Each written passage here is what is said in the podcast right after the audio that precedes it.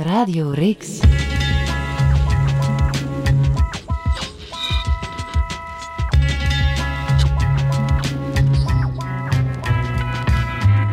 Welkom op Don Vitalski's Antwerpen in de jaren 90. Een podcast van Heb ik jou daar? Gegroet, dames en heren. Bedankt dat jullie weer zijn afgestemd op deze legendarische podcast getiteld Don Vitalski's Antwerpen in de jaren 90. We zitten nu in de zevende aflevering, maar slaan me dood als het de zesde of de negende is. Recht tegenover mij zit Nigel Williams, bekende performer. En links van mij, rechts voor jullie, zit Tom Nagels, bekende columnist en romancier. Goedemiddag of goedenavond. Hey. Goedemiddag. We gaan meteen uh, keihard uh, in actie schieten. En ik ga toch beginnen met de oudste van ons. Want uh, Nigel Williams die was 36 toen de jaren 90 aanbraken. Terwijl, Tom, hoe oud was jij? 15. Jij was toen nog maar 15, hè? Dus ja. we beginnen met Nestor. Nigel Williams.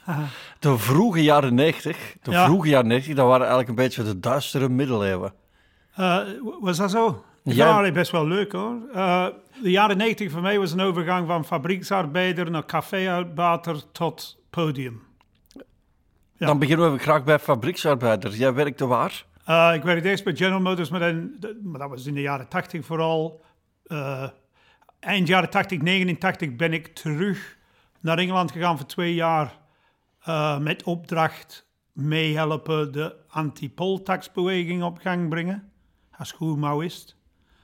En dan ben ik in 82, um, uh, 92 teruggekomen naar België. Ben ik gaan werken bij BMT in Boekhout. Dat is vlak over de station, waar dat nu de Sphinx is. Ja, wat was dat, wat, nu is dat een loftencomplex. Wat voor fabriek is die BMT? Dat was gewoon, uh, die, die maakte glasovers voor over heel de wereld en compressoren van... Uh, maar ik, dat was mijn politieke taak. Ik was een vakbondsdelegé. Maar ik werkte ook als lasser. En dan... Um, halverwege de jaren 90 viel ook daar de, de, de teleurstelling hard. Van alles wat links was, um, een degoe eigenlijk. Is dat zo? Moet erop doorgaan als je wilt, maar hoeft niet. Um, en dan dacht ik van, ik ga, ga weg van de politiek, want mijn leven tot dan was zo'n soort politieke pamflet geweest hè, in Engeland. Maar ik ben altijd zo'n soort anarcho-syndicalist, wat dat eigenlijk heel eerbaar is. Als je dat juist, de juiste vorm van anarchisme. En um, dus de teleurstelling sloeg toe. En veel soortgenoten hebben zich beginnen ophangen. En Is werkelijk? en overgeven aan een drank en alles. En, en dacht van, fuck it, ik ga gewoon een café overnemen. Uh, maar als anarchist geen goed idee. Welk café, nou, welk café was dat, um, dat, dat was op Sint-Andriesplaats. Oh ja. Vlak over de, de Costa.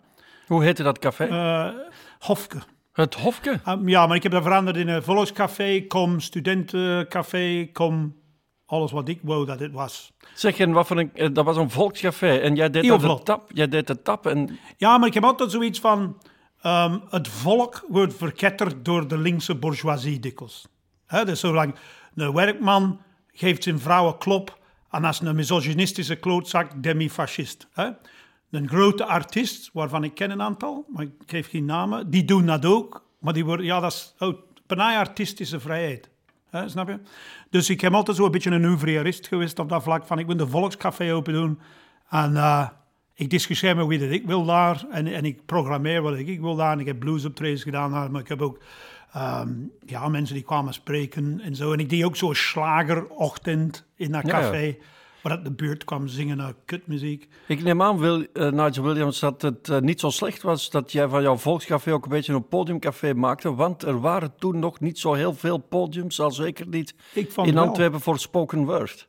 Ja, voor spoken word niet, maar, maar ik vond van wel dat er podiums waren. Hè. Je, had, je had de muziekdoos nog in Antwerpen. Maar mocht legendarisch Etienne met zijn lange grijs haar. Maar dan mocht jij niet binnen, in de muziekdoos? Nee, ik ben er bot. Ik heb, ik heb altijd zo afgeschoren haar gehad. Van, dat is van in Engeland van de skinhead-beweging, de linkse skinhead-beweging, ooi.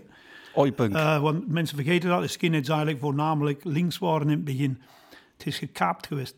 Um, maar die, die, gekende Etienne een beetje, misschien. Ja, ja Etienne Knodder die is natuurlijk uitgebreid behandeld wanneer we Deus uh, violist ah, ja, wel, oké, maar die had soms van die paranoia-attacks. En op een gegeven moment, ik was in dat café helemaal alleen aan het denken, aan een toog alleen, verzonken in gedachten. En hij zei, volgens mij ben je een flik. Dan ben ik heel kort aan het. En vanaf dat moment mocht ik daar niet meer binnen. Vreselijk. Dat, dat, dat was een tien. Hè? Maar er waren nog podiumcafés, toch? Ja, het Swingcafé en maar voor spoken word en voor comedy. Er was eigenlijk nog geen comedy. Er was, er was andere dingen. Want ik, ik, ben opgegroeid met de ehm, alternatieve comedians in Engeland, like Alexis Scale, Sale, sorry, Alexis Sale, ehm waar al die, die, beweging van progressieve comedy uitkwam. Dus, dus eh, Maar dat begin jaren 90 was ja, dat die was, niet dan, in- dan moest je eigenlijk zo progressief zijn en politieke materiaal brengen om comedian te zijn. Stand-up comedian. Hè? Er is een verschil tussen een stand-up comedian en een comedian. Maar Nigel, wie hadden we in de jaren 90 in Antwerpen? Dat is Anne Nelissen en Luc Wijns. Ja, ja, maar beide waren op... Gaston en Leo. En Gaston en Leo. Ja, die, die veel nog- sketches, zelfs die van op de tv, hebben gepikt van Ben Hill destijds. Hè. Ja.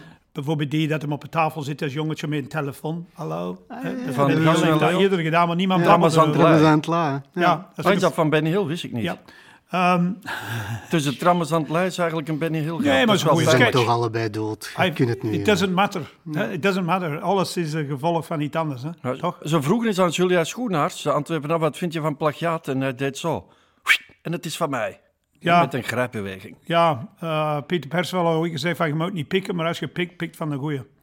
Ehm, om een lange verhaal, heel lange verhaal kort te maken, toen ik mijn café had en het was duidelijk dat dat café ging failliet gaan omdat anarchisten niet goed zijn in bookkeeping, ehm, kwam ik zo eens op een avond met een groep klanten die in mijn café zaten. En ik hoorde het café godverdomme sluiten, want het was, het was laat op een zaterdag en op Sint-Andriesplaats kreeg je geen volk op een zaterdagavond. In de week wel, heel als studenten. Dus ik wou dicht doen. En ik ging met een aantal klanten en zei, kom, ik doe allemaal hier een up op de grote markt. Wegjagen eigenlijk. Wegleiden. Ja, wegleiden. En Ja. geld investeren ook, om ze weg te krijgen. Damn. Ehm, omdat ik gehoord heb dat er was een open mic podium op de grote markt opengegaan door onze, allee, eh, de Buster. Ja, de bus. fantastisch Lilian. Ja, voor mensen die nu jonger zijn, de busser, dat heet nu de Cabron. Hè. Dat is overgenomen en Ja, heet nu ja, de Cabron. maar, maar Lilian, de legendarische bazin, fantastisch. Die gaf iedereen een kans daar. En ik kwam daar omdat eh, eh, we kijken en er waren mensen die zo, zo gezegd stand-up comedy deden. En ik dacht, oh, het, nadert, maar het is het niet. De Anne Nelissen was daar een stuk aan het aflezen van op een blad. En ik dacht, what the fuck. En ehm, eh, wie was er nog? Peter Percival probeert niet. Ehm, Bert Kruismans Bert probeert Kruismans. niet. Eh, en, en, en Brik van Dijk was er ook Oh nog ja, bij. Brik van Dijk. En ehm, ze zeiden op het einde van de nacht van... En als er mensen zijn die denken dat ze het ook eh, zo kunnen of proberen... moeten ze contact opnemen met ons. Hè? Dat was Bert Kruismans en, en, en Peter Percival. Ehm, en ik zei, ik, ik, ik kan dat ook. Hè? Alsof ik dat gedaan heb. Oh, al schrijft de eigen in een volgende week. Dus ik, ik vroeg het en ik mocht er komen zes minuten doen de week erop. En ik denk dat ik een minuut en een half heb volgekregen. Ja, Ehm, dat is niet niks. Voor de eerste keer. Nee, want je krijgt de blackout. Ja, ik heb nooit op een podium gestaan. Ja, wat Had je iets voorbereid? Ja, min of meer iets. Maar het was heel agressief en politieke tint. Ja. Het was iets in de zin van alle Vlamingen zijn fascisten. Allee, zo. Ja, dat is eigenlijk niet zo heel veel crowd veranderd. on your kant, hè? Er is eigenlijk niet zo heel erg veel veranderd. hè. Nee. Ehm, en juist op dezelfde tijd als wij begonnen daar, dat is heel merkwaardig. Het is alsof het een meme is. Hè? Tegenwoordig zeggen de mensen een meme. Hè? Dat, dat bestaat. Was de Bol Infernal in Gent ook Ja. begonnen. Dus er waren ik twee eigenlijk- plekken tegelijkertijd in Vlaanderen waar dat begon. Ja, er was, eh, dat is al vaker gebleken in deze podcast, een heel grote kruisbestuiving tussen Gent en Antwerpen. Nu ben ik blij, Nigel, dat je de bal infernal introduceert. Want het is niet van mijn gewoonte om een tweede gast hier aanwezig zo lang in zwijgen gehuld te laten, Tom Nagels. Daar heb ik hem ontmoet. En die heb je ontmoet in de bal infernal. Ja. Is dat waar? Ah, dat ben ik Jij ging, jij ging zo eh, intellectueel stand-up comedy brengen.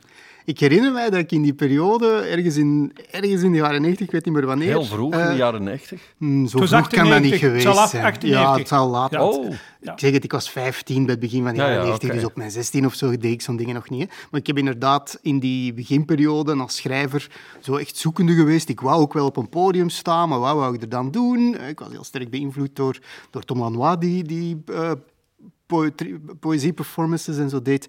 En op een bepaald moment ben ik aangesproken geweest door een man wiens naam ik vergeten ben, maar ik weet alleen nog dat het de broer was van Axel Dazeleren.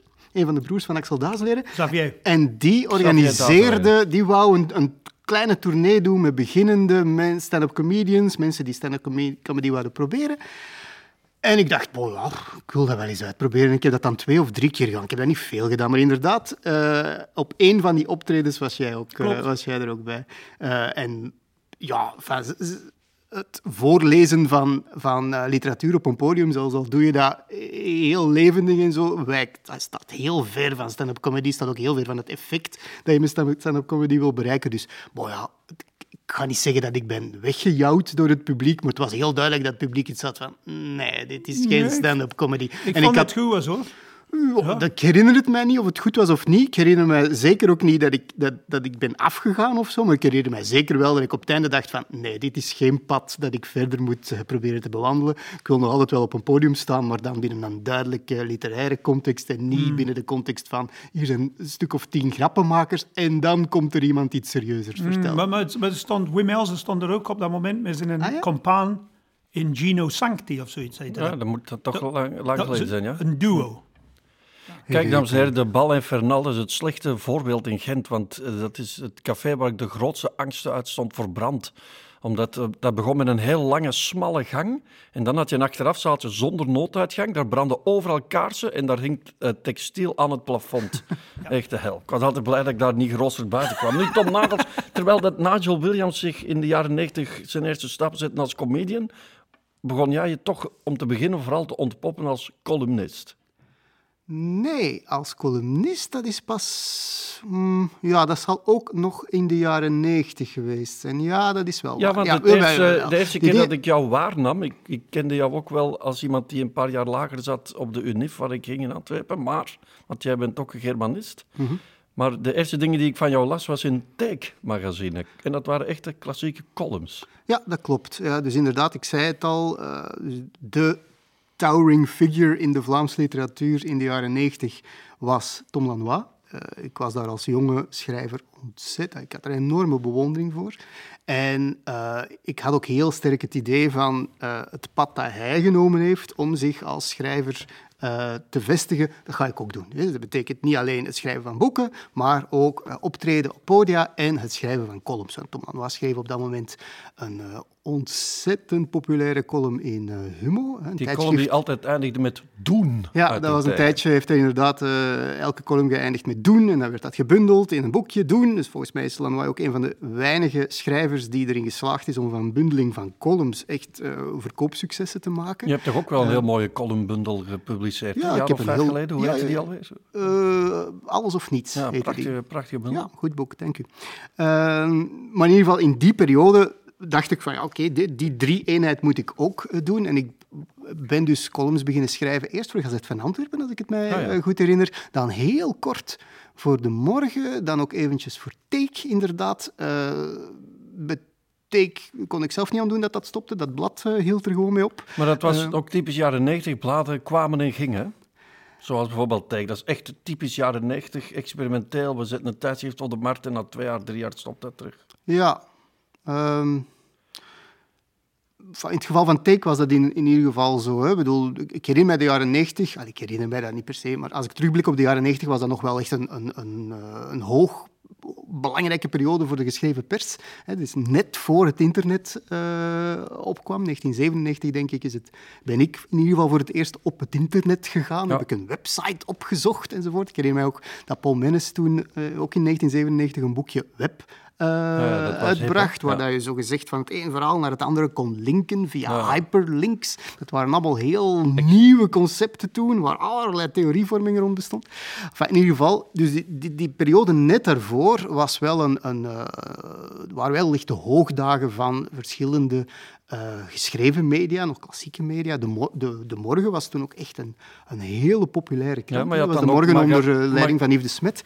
Maar je had ook magazines zoals Bonanza plotseling. Dat is later, denk En ik. Nu, dat zou ik moeten opzoeken. Maar Mao magazine. Mao magazine. Dat is inderdaad allemaal later, in de denk twenties, ik. hè, eh, Mao. Ah ja, oké. Eh, maar in ieder geval, Take was een van die bladen. Hè. Dat was een filmblad eigenlijk. was begonnen als, als puur filmblad, eh, vandaar de naam ook. En eh, dan was dat wat breder gegaan naar een, een meer algemeen eh, weekblad, dat, of maandblad, eh, ik denk nee, weekblad, ik weet het niet meer, ehm, dat ja, allerlei reportages en interviews enzovoort bracht. En, en er werkten wel een aantal mensen die nadien nog in de media... Zoals? Sam de Graven. Oh, Sam de Graven van De Slimste Mens. Van De Slimste Mens, later hoofdacteur van Humo, nu uitgever bij Borgerhof en Lambrechts. die werkte daar als freelance interviewer enzovoort. Wart Verrijken, de, ah. de nu net overleden uh, filmjournalist, uh, was daar eindredacteur. en toen ehm, was er nog echt een redactie waar je naartoe kwam, want je kon natuurlijk je columns niet doormailen. Dus er was meer touch tussen die journalisten onderling. Ja, uh, dat is waar. Nu probeer ik me te herinneren hoe ik mijn columns toen... Ik herinner mij toen ik voor Gazet van Antwerpen begon, dus dat was helemaal de allereerste columns die ik schreef, dan uh, kon je net via het internet een column doorsturen. dat, was echt nog mijn, mijn telefoondraad die je dan moest insteken. Dus dan kon er niemand eh, telefoneren. Uh, dames en heren, dat heeft Peter Haaks acht afleveringen geleden al helemaal geschetst. Peter ah, Haaks van Gazet van Antwerpen op de Katwilgweg. Ja. Maar jij hebt ook uh, een tijdje voor de Nieuwe Gazet op de Posthoflei gewerkt. En daar hebben we nog niks over gehoord in de hele reeks. Terwijl de Posthoflei, dat was ook een echte mediamastodont waar ook ATV gevestigd zat. Ja. En daar liep je ook rond in de jaren 90 even. Heel eventjes, want uh, ik ben begonnen bij de Nieuwe Gazet, ik denk helemaal op het einde van de jaren 90. Ik heb gestudeerd in Londen tot uh, eh, 1998 en pas daarna ben oh. ik beginnen werken. Dus uh, dat moet 99 dan geweest ah, zijn, of, of, eind 98. Hoe zag die redactie er toen uit? Op de Posthoflei? Ja. Als een klassieke redactie. Een kantoorgebouw met bureaus en computers. En wie zat er achter die Ehm, ik ben daar begonnen toen uh, Wim Verhoeven daar hoofdredacteur werd. Hè. Daarvoor was dat nog Peter, ben zijn naam vergeten. Een man die overleden is, hè? die Peter. Uh, schandalig dat ik nu niet op zijn naam... Uh, jong overleden, grote Elvis Presley fan. Inderdaad, ja. En dat was de redactie toen met Michael Leskroart, die nu voor NVA werkt. Pascal Weiss werkte daar toen, enzovoort. Maar die zijn allemaal eigenlijk weggegaan, dus die heb ik als collega niet gekend. Uh, ik, de redactie waar ik op werkte, die had bijvoorbeeld Dimitri Antonissen, die vandaag hoofdredacteur is van het Laatste Nieuws, hè, van de, de Nationale Krant. Het Nieuwe Gazet is eigenlijk de regionale editie van het Laatste Nieuws in Antwerpen, maar om sentimentele redenen heeft hij nog een andere naam, zoals de Gentenaar eigenlijk de editie is van het Nieuwsblad, maar om sentimentele redenen nog de Gentenaar heet. Um, dus uh, Dimitri Antonissen zat er toen, Roel Veit, die nu woordvoerder is uh, voor Nabila Eet Doet, denk ik, de, de schepen. Um, wie werkte ja, daar flink nog?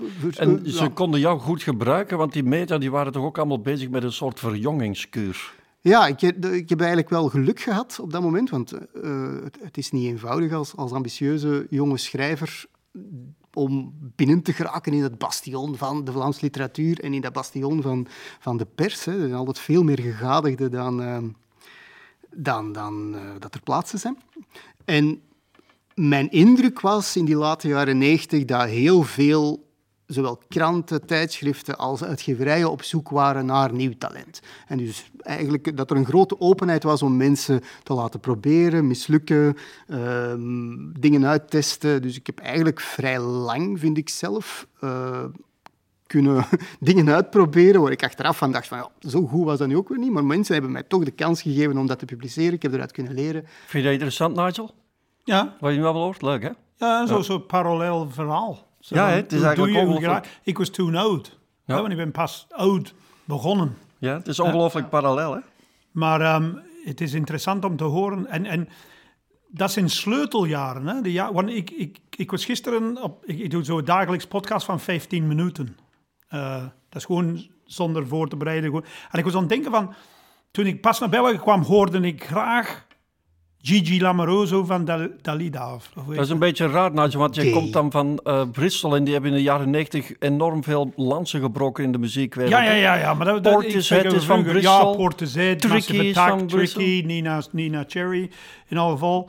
Uh, Portishead was eigenlijk een voorstadje Maar dat is toch ongelooflijk, dat zowel Portishead als Massive Attack uit dat kleine oh, die Bristol... kennen elkaar allemaal, hè? Ja, maar, dat die heel de wereld in een plaatje ook hetzelfde. Tricky ook. Dat, dat is één... Je hebt in Bristol heb je zo'n boot. En dat heet de Thekla. En dat is een boot die opgekocht is geweest door een bende muzikale hippies destijds. Als vroeger een stadsbestuur die altijd heel progressief is geweest in Bristol. Bristol is een soort rebelse stad. Als een koningin op bezoek komt, staat niemand op straat dit te zwaaien. Um, en die hebben die een boot er gezet en alle topartiesten uitgenodigd daar. En die, die komen er allemaal. Ik ga er nog naartoe. Als ik naar Bristol ga, de Thekla is een ongelooflijke ding. En, en die mensen kennen elkaar van in een, een wijk, dat heet Montpellier eigenlijk. Hè? Montpellier, zeggen wij. Dat zo. En, want Bristol is heel heuvelachtig. En, en Montpellier, dat, dat is waar alle artiesten zat. En die mensen kennen elkaar allemaal. Hè? Maar Dat is zo- Nigel, dat is toch later nooit meer, heeft Brussel toch nooit meer opnieuw gepresteerd? Hebben ze toch alleen de Ja, jaren maar wat 90? je vergeet over Bristol is de nieuwe muziek komt er altijd bijna van. Dus de neopunk nu, als je, als je nu spreekt over nu, 2020, eh, de neopunk die ik heel hard volg. Hè. Je hebt nu bijvoorbeeld een groep zoals de Idols, die die eh, heel politiek beladen teksten klaar en duidelijk zingen.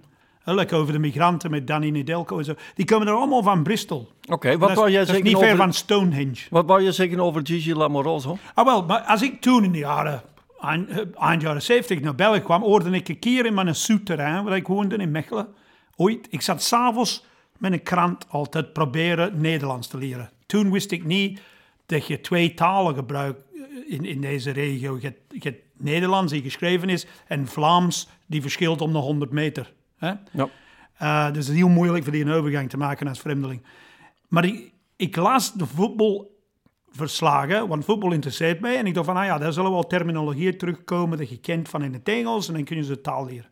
En op de avond speelden ze Gigi Lamoroso van, dat is Dalida, of wie is dat? Ja. En ik dacht, dat is fantastisch. Ik wist niet in welke taal ze aan het zingen was, maar ze deden in Italiaans en Frans. hè. En, maar ik, in mijn podcast gisteren, dat kwam bij mij op. En ik zeg, maar, maar hoe zochten wij toen? Want ik moest dat dan opzoeken nadien. Hè? Van, ik wil dat liedje kennen.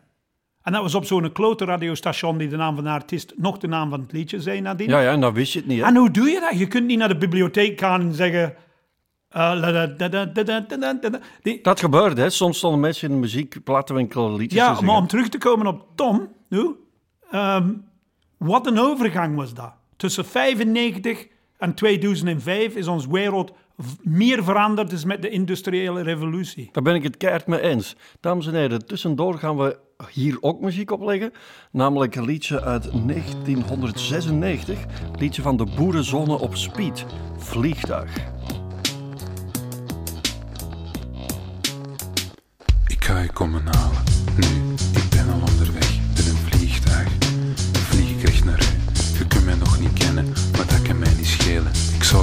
overtuigen en ik zal u vertellen dat ik er jij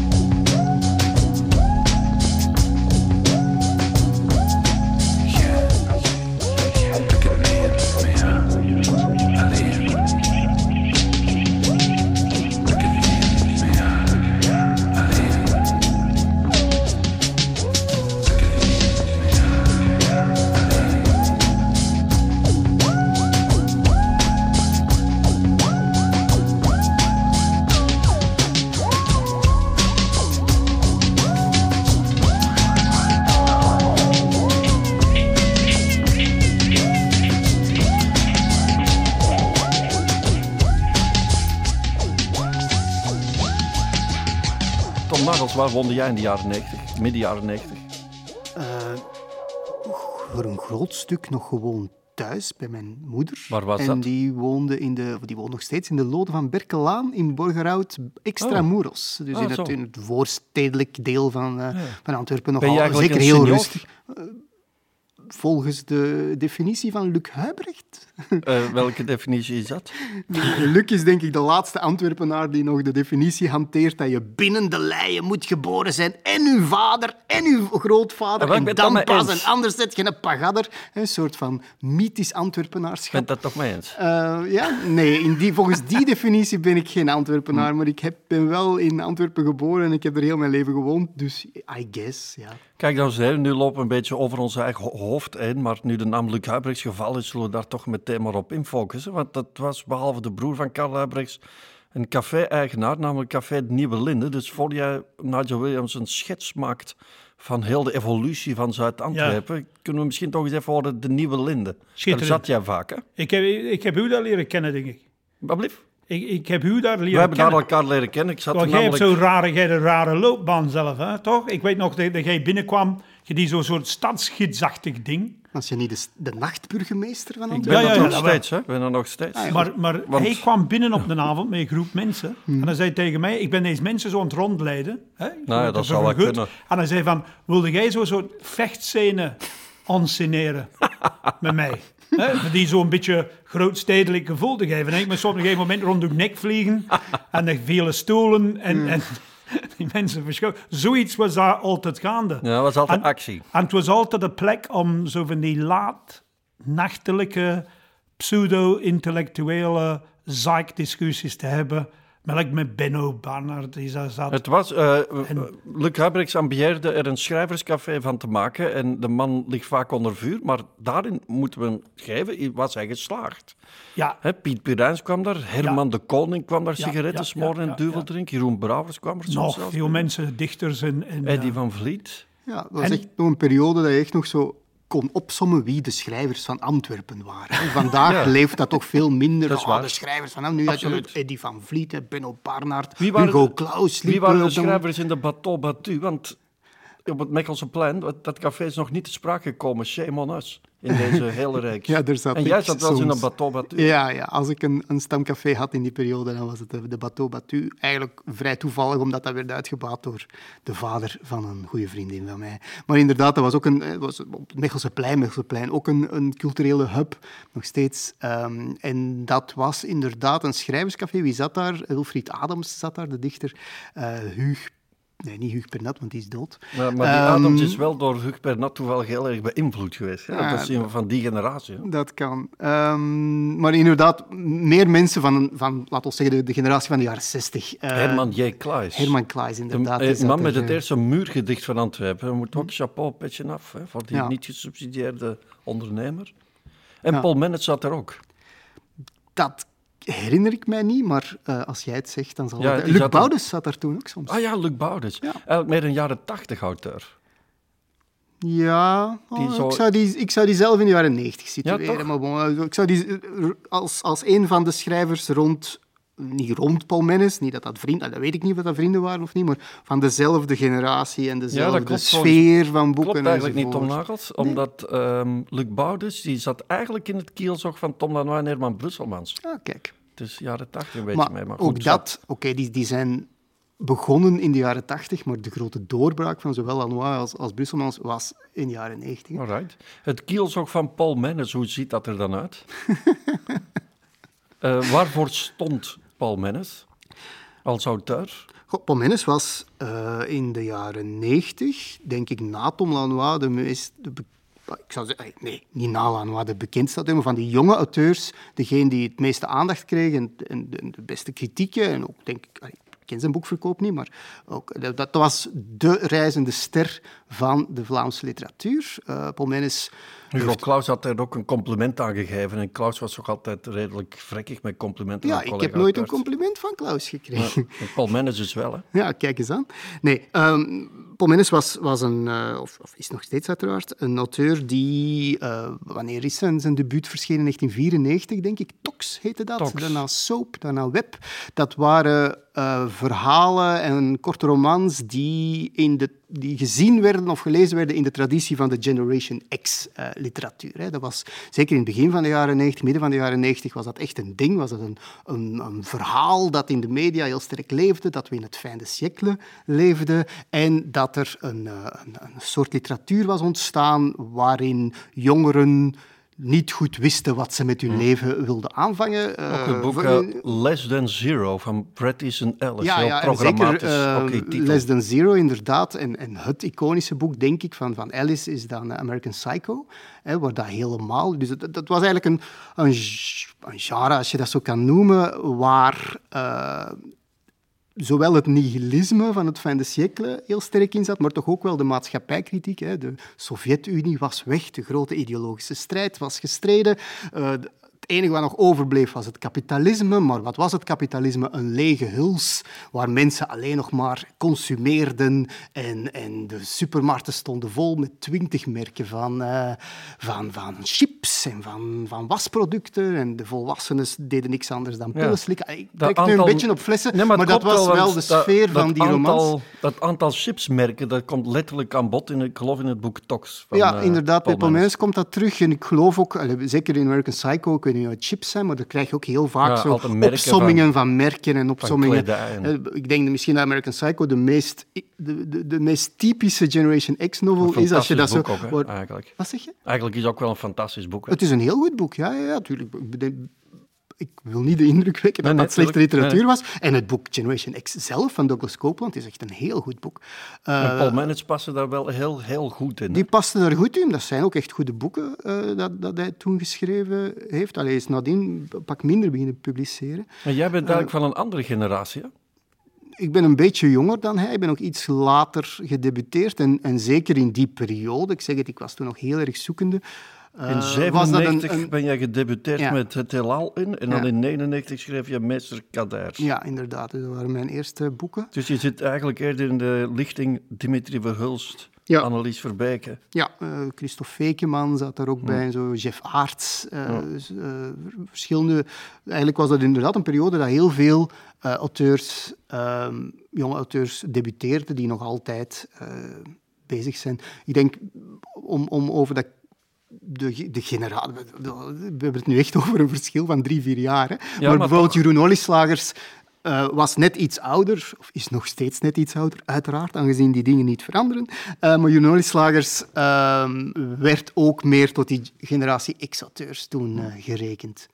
Nou, dan gaan we nog eens terugspoelen naar Luc Huibrechts, want die is ook voor de podiumkunsten van belang geweest. Want die heeft Klopt. eind jaren 90, dat zag ik 98, Op 99, nippertje. Zuiderzinnen uit de Ja. grond gestampt. Dat was een tof festival toch, hè? Jaarlijks festival. Dat is een Najaar. groot gemis in Antwerpen, vind ik nu. Eh, want, want dat was een een coming together van alle vormen van eh, woordkunst. En eh, ja, ik, ik, ik, ik, ik vond dat fantastisch. Hè. Dat Hoe ging was- dat in zijn werk, dat festival? Hoe werd je Ja, dat was- geprogrammeerd? en- dat was meer, het begon eigenlijk zo meer voor schrijvers en zo. Maar ik woonde op het Zuid, dus ik kon een hele zondag naar mensen gaan luisteren ehm, die ik enkel kende van hun columns of van weet ik veel. En, en ik vond dat zeer interessant. En dan is dat uitgebreid. Hè. Dan zijn wij aan bod gegaan. Ik heb met u ergens opgetreden op de trappen van een museum naar. Ehm, de enige dat ik erg vond was dat het gesponsord was door Gazet van Antwerpen. Ja, Eh, ik heb eens een keer iets over gezegd en dan een jaar erop mocht ik niet komen. is het echt? Ja, maar, maar ik vind ik altijd met blijven stampen tegen dingen dat je niet in gelooft. En, ehm, maar fantastisch. Iedereen kwam aan bod. Beter is de cultuurmarkt. Die gewoon, de cultuurmarkt is gewoon waar je flyers uitdeelt en mensen steken die in een zak, nemen die mee naar huis en doen ze in een papierafval. Maar, maar, maar Zuiderzinnen was waar de, de, de, de, de schrijvers, de auteurs, de, de dichters uit een schrijfgrot konden komen en kennis maken met de mensen die hun, hun, hun boeken las op een zondagnamiddag in, op Antwerpen-Zuid. Of in Antwerpen Zuid, ik weet niet hoe je dat zegt. Maar- hadden eigenlijk allemaal experimentele premières op Zuiderzee. Ja, maar je elke café was open en toegankelijk voor iemand die iets te doen of te zeggen had. Ja. Hè? Het Zuiderpershuis was open en ik poetste toen het Zuiderpershuis, want mijn café was al failliet. En ehm, ik poetste s'morgens drie, vier cafés, onder andere het Zuiderpershuis één, omdat ik geld kon verdienen om men s'avonds op te treden. Zuiderpershuis is ook nog zo'n eh, landmark in de jaren Maar, 90. maar, maar dat- die geschiedenis daarvan, waarom schrijft niemand dat op? Eh, be- beginnend met de, de internationaal nieuwe scène. Ik ken nog elke liedje van eh, Dario Fo, Mr. O'Buffo. Ik ken elke liedje ervan, als arbeider. Ik, nam, ouders waren er ook van. ik nam twintig mensen van de fabriek die nooit naar zoiets gaan kijken. Hè, gingen we er kijken. En zo mannen van lassers en dokwerkers, die bleten met die liedjes. Kijk, dames en heren, ik heb dat eens opgezocht. Het einde van Zuiderzee dat is eigenlijk pijnlijk. Luc Huybrechts vroeg, zoals altijd, subsidies aan bij het Vlaams Fonds der Letteren. En dat ging over maar 7500 euro. Dat is erg weinig, want er traden letterlijk 300 mensen op. En op een dag kreeg hij die 7500 euro niet meer van het VFL.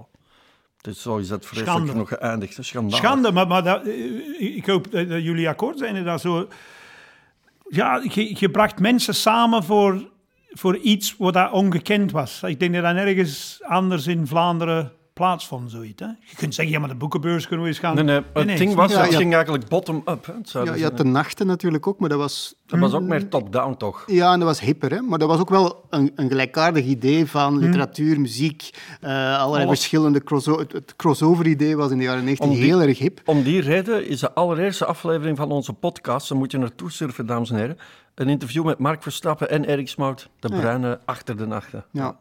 Heb jij op Zuiderzee veel gedaan, Tom? Ik heb daar verschillende keren opgetreden, ja. En Op de nachten ook een aantal keer, Ja. ja. In de Nieuwe Linde? Nee, niet in de Nieuwe Linde. Ja, waar precies, er waren zoveel Ja, locaties. wel, dat weet trad ik altijd elk jaar op. Dus, ja. nee, ik denk kan dat dat de. Nieuwe Linde was, dat Op weet een ik gegeven niet. moment, ja. Ja. Nou, Williams, ik hou mij aan mijn plan. Eh, jij gaat uittekenen hoe heb jij het Zuid zien evolueren in de jaren Ehm, 90. ik woonde eerst in de Volksstraat, dan ben ik vandaar verhuisd naar de Geuzenstraat en ik woonde naast ehm Luc Wijns, toen ik daar woonde met, met Mitta. En dan ben ik vandaan verhuisd naar de Vlaamse kaai. Ik had liever op de Waalse kaai gaan wonen, omdat ik zo een tegendraadse ben. Maar het moest de Vlaamse kaai zijn. Maar toen was de Zillion open. Ah ja, Ehm, er waren nog geen van die, de Sinkse voor was ook nog van die bruinschoen puntende immobiliengasten waren daar afwezig. Hè? Dus, en, en de meeste plutsen waren cafés en niet restaurants die zich voordoen als cafés, zoals nu. En de Sinkse voor mocht, alles mocht. En, Ja. en, maar stilletjes aan, heel veel arbeiders op fabriek van, van waar ik werkte in de jaren 90 woonden daar. Die hebben hun panden kunnen goed verkopen. Voor veel geld. En je ziet dat zo verburgerlijken. Maar dat is een beweging die in elke stad in de wereld, als je je eigen toch een beetje wereldstad wilt noemen, moet je dat meemaken. Het geld volgt de creatievelingen. Want de huizen werden plotseling eh, Te duur. te duur, maar in het begin waren ze goedkoop. Hè? Ja, ik, hoor- ik hoorde er heel goedkoop. Ik heb mijn auto zo twee keer gepikt gehad, maar dat is niet zo erg. Je hebt in een interview wel eens gezegd dat jouw collega's, die fabrieks, Turkse fabrieksarbeiders, de huizen opkochten. Ah ja, tuurlijk. Een, een, een, heel goede vriend van mij, Tanguy, die, die had een huis in een zijstraat naast eh Zuiders, eh Zuiderpershuis. Ah, ja. Dat is een nieuw chic appartement hebben gebouwd. ja. En die was de last man standing in die straat. Dus er waren twee nieuwe blokken gezet en zijn huis stond in het midden. Voor twee jaar, met bouwputten naast hem. En ik zeg, ik geef niet toe. En ik geef ze heel veel geld. En hij woont nu eh, in een mooie woning op een heuvel in Turkije terug. Tom Ja, Nagels, heb jij iets over urbanisatie in de jaren 90 te vertellen? Heb jij jouw straat zien evolueren? Mijn eigen straat in Borgerhout, waar ik woonde, nee. Eh, Borger, zeker Borgerhout buiten de ring is heel lang een, een, een blanke, bijna suburbane eh, zone geweest. Dat begint nu wel een klein beetje meer tot leven te komen, maar dat, blij, allee, dat is de buurt rond de Gietschotelij en zo. Dus dat blijft nog altijd een heel rustige woonwijk met, naar mijn gevoel, veel oudere, eh, oudere mensen enzovoort. Dat is ook vrij laat eh, volgebouwd geweest. Ik denk dat mijn ouders zijn in de jaren 70 komen wonen. En dat is echt de periode dat ze daar hebben gebouwd. Je ziet dat ook aan die huizen. Dat zijn typische appartementsblokjes enzovoort. Dus dat heeft weinig stedelijk gevoel. En daarna heb ik in, op het Zuid ook wel gewoond, maar veel verder. Het Zuid, de Handjeslei, eh, Ah, ja. dus meer de woonkant van het Zuid, niet, niet Ja, de... het, de- west, het zuidwesten eigenlijk. ja, en, en nu woon ik in Berchem, eh, wat wel een wijk is die ik in de tien jaar dat ik er nu woon eh, sterk heb zien veranderen. Op allerlei manieren trouwens. Maar goed, dat is ver uit de jaren 90, dus daar gaan we, gaan we het niet over hebben. De, de, de, evolutie van het Zuid is op zich wel opmerkelijk, omdat dat inderdaad een van de wijken is. Uh, als de, de, de, migratiegolven vanaf de jaren 60 en zeker 70 naar, naar Antwerpen kwamen, dan was het Zuid verkrot. En dan was het een van, de, de, van die typische uh, wijken, zoals je in Brussel ook hebt gehad en in Gent en zo ook hebt gehad, waar de huizen en slecht genoeg waren en goedkoop genoeg waren voor de gastarbeiders om ze te kunnen kopen en om geen concurrentie te ondervinden van Vlamingen, autochtone Vlamingen die die huizen ook wilden kopen. Dus heel lang was het Zuid een, een, een typische migrantenwijk, hè, zoals Borgerhout langer is geweest. Achteraf gezien is dat onbegrijpelijk eigenlijk. Hè? Ja, als je het nu ziet natuurlijk, dan denk je, hoe kan dat nu? Zo'n mooie huizen, zo'n grote huizen enzovoort. Maar de maar smaak in huizen was toen ook wel anders. Ja, maar uh, iedereen heeft toch altijd behoefte aan open space. En die boulevards van het Zuid, die waren er toen al. Dus dat, dat mensen in een frank toen niet viel. Goh. Ja. Kijk, dames en heren, uh, Nigel uh, Williams en Tom Nagels wonen nu allebei in Berchem. En dat brengt ons bij een van de mooiste cd's uit de hele jaren 90, een cd genaamd... van Daan Stuyven. Berchem, van onder meer Daan Stuyven. Het is van de band Dead Man Ray. Nu, Axel Peleman zei een paar afleveringen geleden dat Deus zijn beste bezetting toch van de debuut-LP was. Ik ben het er eigenlijk niet helemaal mee eens. Ik vind elke bezetting van Deus goed. Maar er is misschien wel een verdedigbare steriliteit in de Deus uh, muziekgeluid gekomen. Terwijl die diversiteit van die bezetting, van die vroege Deus, die vinden we terug in Deadman Ray. Zeker op dit liedje Chemical.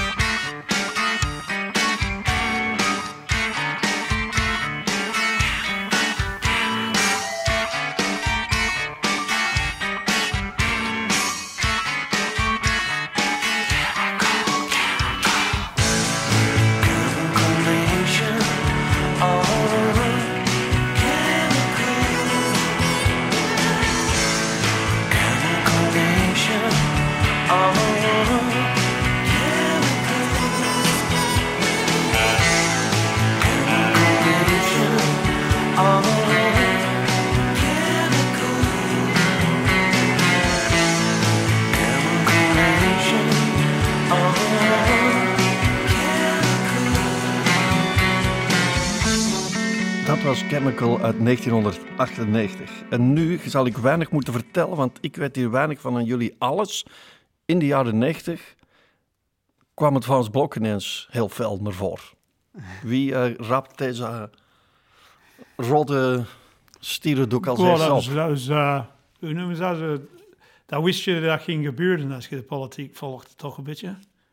Omdat je, ik, ik ga daar niet over beginnen in Vital, want anders ben ik hier tot morgen vroeg. Ja, maar dit is ons laatste grote hoofdstuk. Maar chroniek van een aangekondigde verrechtsing, vind ik. Ben je daarmee, Stomnagels? Aangekondigd, ja, je kunt altijd een, een, een lange aanloop zien, maar die, die, die doorbraak van, van het blok is toch wel uitzonderlijk, vind ik hoor, in Antwerpen. hè. Je moet- Laten we dat eens heel duidelijk situeren. Wanneer? Eh hebben we het nu over eh, Zwarte Zondag of over nog iets anders? Het Vlaams Blok bestaat sinds 1978. Hè. Dat is de partij die nu Vlaams Belang heet. Ehm 78 opgericht, één verkozene tot eh 87. Altijd één verkozene, Karel Dille, een man die in Deurne woonde. Ehm, en dan, vanaf de parlementsverkiezingen van 87, zie je dat die partij een beetje begint te stijgen. Dan komen Philip de Winter en Gerald Vannemans in het parlement.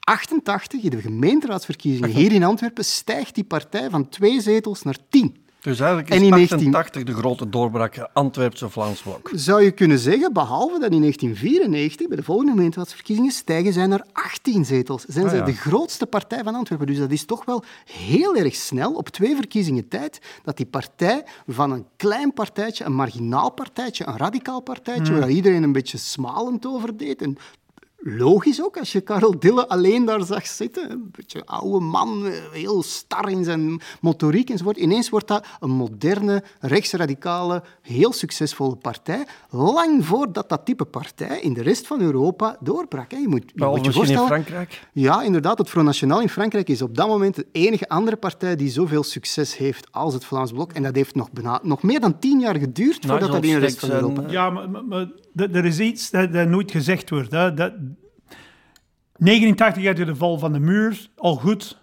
Hè. Ik ben er volledig voorstander van. Je de Tiananmen die, die op zijn start kwam trappen en alles. En links op dat moment was de weg kwijt.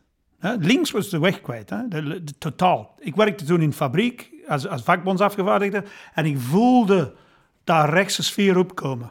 Hè. Plots was er een probleem met de Ali of Ja. en dingen. Ik en Rudy Kennis destijds, als, als de Ramadan was, zochten wij oplossingen voor de, voor de moslims die, die wou op een andere uur werken omwille van de eten, kunnen eten en bladibla. En dat was allemaal geen probleem. Stilletjes begon dat een probleem te worden zonder dat er problemen waren. En dat is omdat links geen, op dat moment geen antwoord had. Die waren volledig de weg kwijt.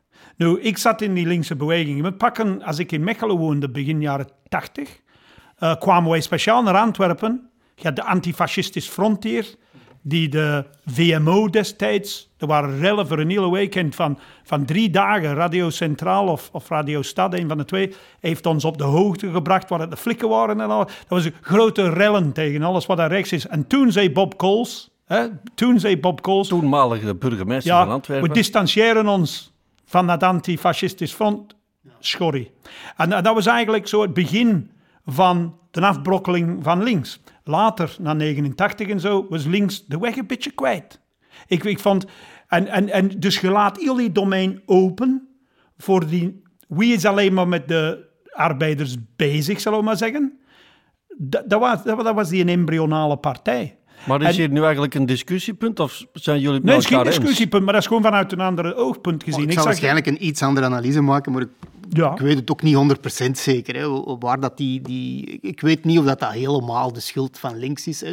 Links heeft inderdaad in de jaren de linkse partijen, zeker lagen socialistische stil. partijen, Ja. hebben in de jaren 90 gekozen voor een, een verbond met het liberalisme. Natuurlijk omdat ze ook wel zagen dat het kapitalisme niet ging vallen en dat het communisme was weg. Dus ik snap dat. Dus wat dat betreft begrijp ik beter waarom linkse partijen in die periode dachten van we moeten onze aandacht verleggen naar meer cultureel linkse Ja, thema's, cultureel progressieve links, ja. thema's enzovoort. En dat heeft in in die periode ook geen wind eigenlijk dus goed. Dus eh, begin jaren 90 of eind jaren 80 grote doorbraak van rechts. Hoe is dat geëvalueerd in de jaren 90 verder? Hoe, is dat, hoe zag rechts er dan uit eind jaren 90? Dat was zo, dat, ik denk dat heel veel mensen bij de eerste Zwarte Zondag, en dat zal zowel aan de artistieke kant als aan de arbeiderskant, de mensen die het goed bedoelden, zat bijna in een depressie even van hoe moeten we hier tegenin gaan. En, en Ik herinner me dat in de jaren 90 overal in de vensters zo affiches zingen. De vorige kuisploeg had ook zulke beloftes. Ja, Ja, dat was een campagne van... eh dat was echt een, een, een... Er zat veel geld achter. Er waren heel grote affiches zelfs en zo, die op dat moment aangekocht werden door een groep mensen die tegen het... Waar ook zelfs bedrijfsleiders en zo bij Ja. zaten. Maar, Maar er was zo'n vertel- poster met Hitler op het balkon en ik denk dat men dat nu nooit meer zo zou tackelen. Nee, nee, nee, nee, nee. Dus de vergelijkingen met, met de nazi's waren toen standaard. Hè, Dus eh, voor, voor, zeker voor linkse mensen, voor, voor progressieve mensen, was het Vlaams Blok de reïncarnatie van eh, de nazi-partij. En dat was ook de, de, de fond van hun verzet ertegen. En Eh, dat verzet heeft geen, niet gewerkt, duidelijk. maar dat heeft wel gewerkt. Maar een van de grootste discussiepunten onder ons, de progressieven, zullen we maar zeggen, hè, want- wa- was, uh, Wel, ik ik, zei altijd, het is niet, is niet omdat mensen op Vlaams Belang stemmen dat die fascisten zijn. En dat was een heel groot hè? discussiepunt. Mensen zeggen, jawel, als je daarop stemt. Nee, nee, nee, nee. Ik zag hoe dat... Allee, dat is tot uiting gekomen veel later. Eh, wanneer is Patrick Janssen is in een adieu ge... In, eh, Zes, ja, is er een adieu? Ja, Ah, Eh, veel later. zes jaar daarna, 2012. Ja. Ehm, dus toen deze een afscheid nam in de Roma. Hè, en ik, ik herinner me een foto met Jane Berrevoets met zijn schouder op en zijn ontblijten. En ik zag enkel maar artiesten en dingen in de... Ja, ja, dat En klopt. dacht van- Dat is een kleine visvijver. Ik dacht, godverdomme man. Hey, en, en je ziet het nu in Engeland gebeuren, je ziet het in Amerika gebeuren. Jullie zijn vergeten deur aan deur te gaan in plaatsen zoals luchtbal, in plaatsen zoals... Je gaat die strijd niet aan met die fuckers. Snap je wat ik bedoel? Ja, ja. Als Hillary Clinton zei zes jaar geleden van ehm, de deplorables, die stemmen op Donald Trump, dacht ik, dat is het idiootste dat je kunt zeggen. Die mensen zijn gewoon het systeem beu. En met een gebrekkige informatie denken ze dat je Trump iets gaat veranderen. Dus als je, die, als je iemand die ene keer stemt op Vlaams Blok een fascist noemt, ja, dan ben je die kwijt. Nu, En- links Antwerpen heeft ook een hele zware duik gekregen in 2003. Het net, hè, nu gaan we een beetje, ze, eh, bespilling. Als je zo drank ingiet en je loopt over het glas. We zitten niet meer in de jaren 90. 2003 met de visa-affaire. Zegt jullie dat iets? Ja, Ja, natuurlijk. toch. Kan je die voor ons Tom. Nagels? Eh, ja, eigenlijk was dat een, een vrij banaal politiek schandaal. Eh, ik zal eerst het politiek schandaal schetsen. Ja, Dus het, echt het, gaat er, zoals- het ging er eigenlijk louter om dat de schepenen en sommige topambtenaren van de stad Antwerpen, ehm, die hadden een, een aparte visakaart van de stad, waar dus een rekening op stond. Dus de dingen die ze daarmee betaalden, gingen van, van, belast, werden van belastinggeld betaald. Dat was van, hun, van, van de, het potje van de stad. En zij hadden daar ook privé-aankopen mee gedaan. Maar dat waren uiteindelijk... En sleutelhangers. Ja, kleine, eigenlijk vrij kleine Maar dingen. wel debiel, hè? Kleren, eh, sleutelhangers. eh, Heel banale dingen. Maar je moet je inbeelden, van, zeker vanaf 1994, op het moment dat Frans Blok de grootste partij wordt van, van Antwerpen, 18 zetels haalt, moeten alle partijen, alle andere partijen, samen in één coalitie gaan om het blok tegen te houden. Dat is ook de periode dat het cordon sanitair en zo is ingericht. Dus de, de andere partijen beslissen heel duidelijk van wij werken niet samen met het eh, Vlaams Blok. En dat duurde dus al van 1994 tot 2003, dat zij in zo'n vrij onnatuurlijk, want dat zijn natuurlijk eh, van, heel, van, van links tot rechts zit allemaal samen, dat werkte niet meer. En omdat dat politiek niet meer werkte, kon zo'n betrekkelijk klein schandaal heel die coalitie uit elkaar spelen. Ik was toen zelf journalist bij de Nieuwe Gazet en dat was verbijsterend. Hè. Wij moesten dan ook rondbellen, een beetje grappig eigenlijk, voor een, regionale, een kleine regionale krant om zo op zich een vrij dat werd een vrij groot schandaal. Dat werd een groot politiek schandaal om rond te bellen. En je hoorde echt de ene schepen zat kwaad te spreken over de andere. Die waren elkaar allemaal onderuit aan het halen in de hoop er zelf eh, de dans te kunnen ontspringen. Ja. En uiteindelijk is dat eh, college dan gevallen.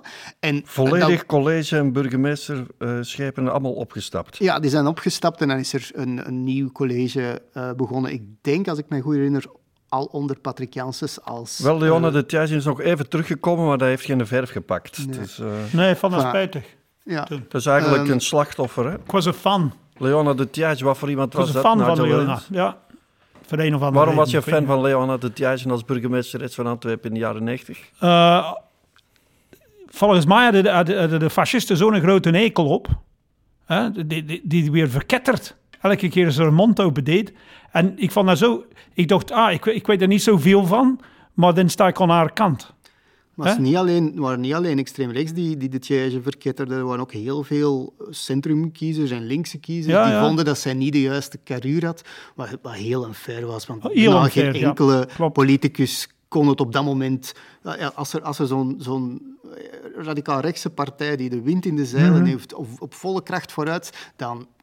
Zelfs het grootste politieke talent eh, gaat daar eh, door onderdoor. Ja, Tom Nagels, ik heb deze vraag niet voorbereid. Het is misschien een beetje een moeilijke vraag. Heb jij een idee van de politieke verworvenheden van Leona de Thijs? Wat hij gedaan heeft? Het eerste die mij opkomt is eh, de, de, de buurt rond het Falconplein, hè, die toen Ah, ja. in, in, door De Russen. criminaliteit en, en prostitutie, maar ook vooral criminaliteit rond prostitutie en zo helemaal eh, beheerst werd, heeft zij samen met eh, de korpschef natuurlijk eh, opge, opgekuist. Om We spreken dan ook van de, de tijd van Patsy. Seurissen. Ja, inderdaad. Ja. Klopt. Eh, Ook typische namen in die visa-affaire is dus uh, Cathy Lindekes. Hè? Die Ja. is toen moeten dat is opstappen. ook... eh, Enfin, ik spring al... eh, Er zijn Natuurlijk- erbij die niet hebben opgestapt, die eigenlijk ja, het wel moeten doen, zeker. Is dat niet? Er zijn er, de meesten zijn teruggekomen. Anne Koolzaad hebben ze ook Hmm. eh geslachtofferd. ja. En natuurlijk Fred Nolf, die heeft echt in de gevangenis gezeten, secretaris. Ja, die maar ik ben nu terug stond. naar die visa gesprongen, terwijl je eigenlijk over Leona bezig was. Ehm, Het Falconplein, dat is een mooie verdienste. hè. Het Falconplein opgekuist. Ik weet niet, Zeker. Volcom Plein vond ik, vond ik een, een soort... ehm, dat is zo'n legendarische ding. Hè. Je, je ging daar, als je niet veel geld had en je woonde alleen, zoals ik, dan ging je voor je televisie te kopen. Ja. En een van die Russen, ik, als je zegt van, krijg je een garantie, die schreef op die een doos met een bik, ik geef garantie. Met zijn handtekening. Ja, dus ze verkochten daar eh, niet. gestolen of van de boot gevallen eh hi-fi-apparatuur ja. Ja. enzovoort. eh, Ja, grappig. ja. Schitterend. Een- Elke grootstad moet dat hebben. Ja, en daar rond was echt een wildgroei aan, eh aan hoerenkoten eigenlijk. Ehm, maar het probleem daar was voornamelijk dat, dat eh, de maffia er zo'n zo'n sterke greep op had. Het ging niet per se over die... Maar vind je het eh, stad nu niet te proper? ik ben een propere mens. hè. Nee, maar ik vind, ik bedoel, ik had het met eh Vitalski op, van de week over gehad. Vroeger ging hem zo soort Hyde Park Corner doen op Conscienceplein. Nu zal het zijn not done, want je moet zo een officiële aanvraag doen. En je moet al die bruin schoen hebbende, strakke pakjes zittende immobilie smeerlappen hebben aan stad overgenomen. Dat is mijn indruk nu. Ja, ik vind bijvoorbeeld ehm, het dichtspijkeren van het Elzenveld, dat je niet meer zo door die tunnel kan Ja, van eh, de Narenberg naar de Mechelseplein. Ja. Want daar komt nu een internationaal hotel. En Ja. eigenlijk wordt op die manier de stad van ons afgepakt. We moeten niet te vaak die teneur bezigen, maar toch... Nee, nee, maar we zijn in de handen van de immobiliën. En, en, en dat, is, dat, dat bevalt elke stad nu. Maar, maar je zit zo... Ja, ik zei, van ne- 95 tot 2005 zat je er een nieuwe industriële revolutie... die de techno-bladibla-revolutie is... waardoor daar iedereen een beetje in de waar zat. En nu de uitloper ervan is... Ik, ik mis de... Met zoveel verschillende soort bronnen van media en al... Ik mis variatie. Het, meer, het wordt meer gestandaardiseerd... Het is zo tegensprekelijk precies. Hè? Van hoe meer toegang tot hoe meer verschillende media je hebt. En daarvan vandaag wordt alles zo gestandaardiseerd. En je hebt weinig rebels nog. En je, hebt, je moet heel hard zoeken voor dat te vinden.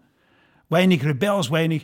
Je je als ik pas naar België kwam, had je nog die uitlopers van die provo's en alles. Die zomaar beslisten om rond te lopen in clownenpak of zoiets een hele dag. Zou dat nostalgie zijn, omdat dat Ja. met leeftijd te maken heeft? Of heeft Nigel een punt, Tom Nagels? Ik denk in ieder geval wel dat, dat stedelijke cultuur veranderd is. Ehm, ik vind dat zelf niet zo zinvol om daar treurig over te doen of zo. Maar je ziet in ieder geval wel hè, dat veel steden, en Antwerpen is daar één van, eh, in, zeker in de jaren 70 en 80, waren, die, waren grote delen ervan verkrot en, en, en eh, zag, zag het er niet goed uit. En ik denk wel dat de jaren 90 zo een, een overgangsperiode is geweest. En dat is dan waarschijnlijk ook wel mede verdienste van het college onder de Tiège.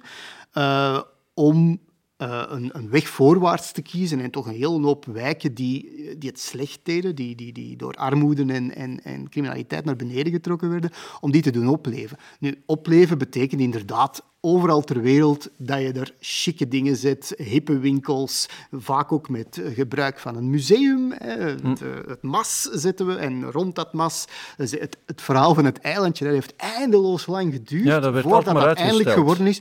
Nu is het, is geworden wat men destijds al in gedachten had, maar ik herinner me in de jaren 90, er werd over niks anders gepraat. Maar ik het mis een sociale mix.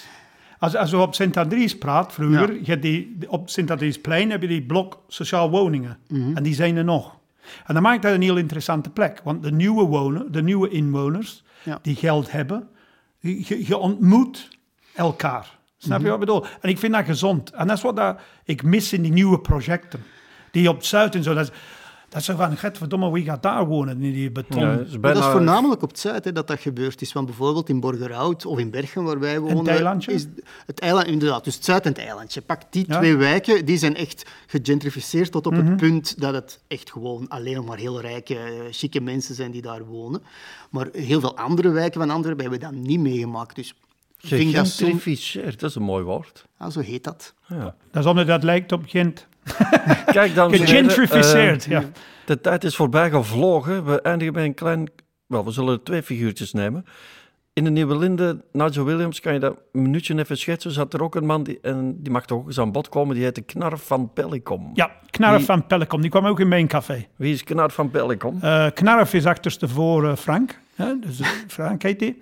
En de Knarf, die zat bij mij on een toog in mijn café. En hij was misnoemd als ex-rijkswachter. Maar zag het volledig niet zitten met dat bullshit. En hij wou scenario schrijven en, en toneel, met toneel bezig uit het niets en zo. En hij zat aan een toog en ik zat met hem te discussiëren. En ik zeg, ah, wel, ik wil ook, ook iets doen op een podium. En hij zei zoiets tegen mij op de naam van... Ja, maar we moeten het ook doen. Laat ons niet eindigen als mannen die aan een toog zitten te kefferen... dat ze doen. vroeger iets hadden willen doen en ze hebben het nooit niet gedaan. En Ik zeg, Knarf heeft er echt werk van gemaakt. Hij heeft er werk van gemaakt. Oké, eh, hij hij heeft scenario's voor de, voor de kampioenen geschreven. Hij heeft ja. toneelstukken geschreven. Hij is er nu nog mee bezig. Maar hij woont niet meer in Antwerpen. hè? Oostende, zijn geboortestad. Ja.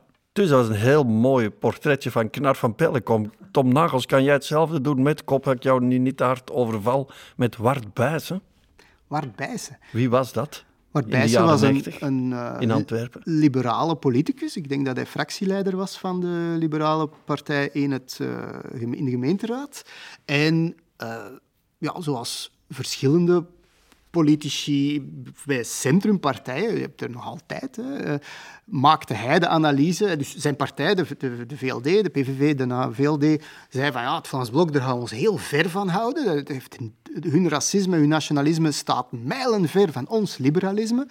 Eh, en zeker onder, onder Verhofstadt en zo ehm, begonnen zij dat liberalisme heel intellectualistisch en eigenlijk nogal links ga- te, te interpreteren progressief in ieder geval. En waarbij ze maakten de tegenovergestelde redenering. Het was eigenlijk een figuur zoals Jean-Marie de Dekker eh, nog altijd is. Die zei van ja, het liberalisme is een volkse stroming en is eigenlijk een rechtse stroming. En je kunt gerust tegen eh, migranten zijn en toch liberaal. Eh, je kunt gerust voor meer blauw op straat. Meer blauw op straat was de slogan voor meer politie. Hè, dat, dat criminaliteit zou worden bestreden en ook liberaal zijn. Dus dat Ja, een- een- zero-tolerantie, dat dateert ook uit de jaren 90. ja, inderdaad. Dus Ja, dat is zero een begrip dat uit tolerantie. New York kwam overgewaaid. Het idee dat als je geen enkel misdrijf toelaat, zelfs de kleinste diefstal zwaar bestraft, dat dan de criminaliteit gaat verdwijnen. En Ik zou zo mijn kinderen moeten opvoeden ja. eigenlijk. Dus Wart Bijssen was iemand die, die... Dat is een splitsing, dat je, ziet dat bij, bij CD&V ook eh, gebeuren enzovoort. Hè. Die, die twijfel, als, Ja, als dus er een Wart- grote rechtse partij is, wat, welke richting moet onze partij op? En die Wart Bijssen had dan als slogan... Het belangrijkste land is het binnenland. Ja, maar dat is in zijn gezicht ontploft. Hè? Hij vond er eigenlijk geen afzet En meer blauw op straat was ook voor hem. Want blauw Ah. is dan de kleur van het liberalisme, hè, meer blauw op straat enzovoort. Dus die, hij probeerde inderdaad zo een meer volks, populistisch, rechtsliberalisme. Nee, omdat zijn eigen partij dat natuurlijk ook heel sterk tegenwerkte. Je hebt in, bij de VLD je hebt ook nog Hugo Kovelius gehad die die lijn eh wouden. En dan Jean-Marie de Dekker. Die zijn eigenlijk allemaal uitgerangeerd. en er is zelfs nog een... Bijssen een eigen partij begonnen, hè? het Liberaal Appel. Inderdaad, ja. Zoals ook eh, Hugo Kovelius zijn eigen partij is begonnen, Vlot. En eh, ook eh, Jean-Marie de Dekker uiteindelijk zijn eigen partij is begonnen. En de Dekker is daar nog een tijdje succesvol mee geweest. Maar ik herinner mij als ik me niet vergis, dat Wart Bijssen op een bepaald moment werd voorgesteld als voorzitter van de raad van bestuur van de hogescholen in Antwerpen, waar Klopt. ook de studio Elmer Teerlink eh, onder ressorteerde. En die studenten zelf, die, schotten in de kram. Ja, die wilden absoluut niet dat zo'n rechtsfiguur in hun ogen een, een crypto Ik was er getuige van. Ik kwam toen eens op Terlink en daar hingen de spandoeken aan de muur. Fuck you, Wart Buijzen, go home. Ja. Maar ik vond dat onwellevend. Ik vond het onwelvoegelijk. Ik vond, dit doe je niet, vind ik. Ja, omdat, zeker omdat hij hè? eh, voorzitter van de raad van bestuur... Je weet, hij is het uiteindelijk niet geworden. Ja, maar God niet- weet dat hij dat heel goed gedaan. Dat weet je toch niet. Dat weet je niet, nee. Wat we wel weten is dat lang na de jaren 90, namelijk in 2005 aan Fort 6 in Wilrijk, waarbij ze zichzelf verdronken heeft. Maar dat hij wel zijn gsm nog in het gras had laten liggen aan de oever. Is dat droevig, dames en heren? Ja, maar het geeft ook een beetje sfeer, een beetje verhaal, een beetje legende. Zo snel zijn wij eigenlijk aan het einde van onze podcast gekomen. Ik wil natuurlijk niet zelf het laatste woord hebben.